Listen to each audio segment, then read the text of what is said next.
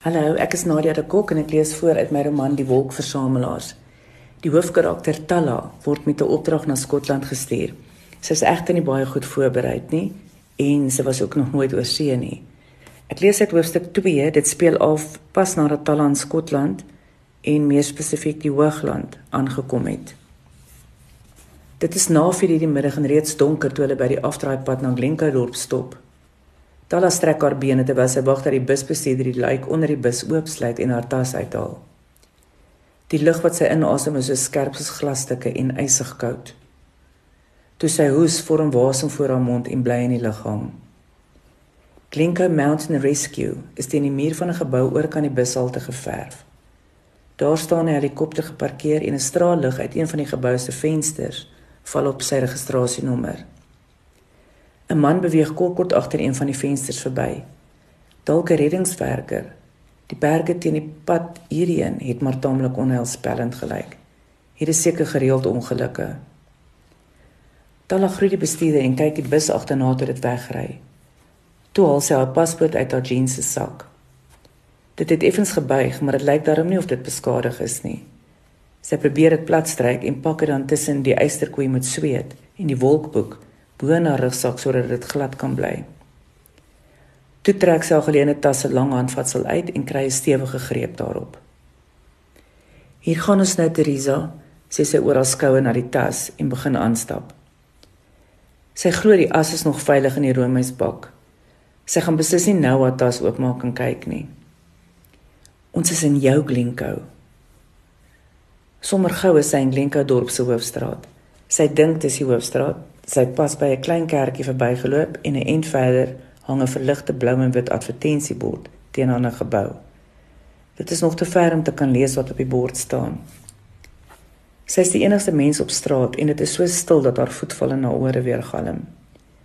Sy begin 'n paar versies wat sy gememoriseer het, sag resiteer. Die lewe is heerlik, heerlik, heerlik. Die hart brand soet en seer ritmies saam met haar voetslag. Heerlik, heerlik, heerlik. Dit kom uit katalekte. Sy moes die bindel ook ingepak het, nie net die eiserkoei met sweet nie. Dit is tog nie swaar nie. Talle hou op preewel toe sy by die uithangbord aankom. Dit is 'n koue opwinkel. Sy huiwer by die deur en kyk na binne. Dit lyk soos 'n klein spaar of 'n quick spaar. Dit lyk lekker warm. Miskien moet sy ingaan. Sy vat aan die deurknop. 'n maar vrou met dun haartjies sit agter die toonbank en 'n man in 'n sweetpak en rubberstewels staan kopskrint by haar en gesels terwyl hy sy mandjie uitpak. Tala laat sakarand, nie lus om losgeselsies te probeer aanknoop terwyl haar kakebeen so stram van die koue is nie. 'n Warm bad gevolg deur 'n warm bed is wat sy nou nodig het. Dit is natuurlik nie die ingesteldheid wat sy moet hê nie. Hierdie mense sal dalk weet waar sy die stories kan kry wat sy in Skotland kom soek het. Daar is 'n warm oond met toegewasemde vensters skuins agter die toonbank. Dit is waarskynlik gepak met goue pastytjies, stoomend en souserig. Sy kan dit in haar verbeelding ruik. Steak en kidney en peppersteak. En sy is so honger. Sal sy nie maar een koop nie? Nee, skud eerder op en kom by Manrose uit. Daar sal sy vir haar 'n behoorlike aandete bestel nadat sy ingeboek, ontvries en haar georiënteer het. Haar kakebeen is beslis te styf om te gesels. Sy vat die tas se handvatsel vas en stap verder. Dan hoor sy water loop en dit is nie lank nie of daar is 'n brug voor in die pad. 'n Bordjie sê dis die Kou rivier wat hier verbyvloei en 'n tweede bordjie wys dat die slagting monument regs is. Dit is ter herinnering aan die vermoorde McDonald clan opgerig. Die voorval is skynbaar nog vas in die geheue van die skotte.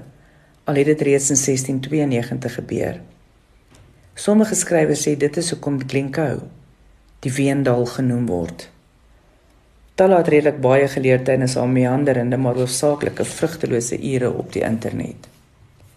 'n Enkie na die brug begin sy uitkyk vir 'n sitplek. Tyd vir 'n sigaret.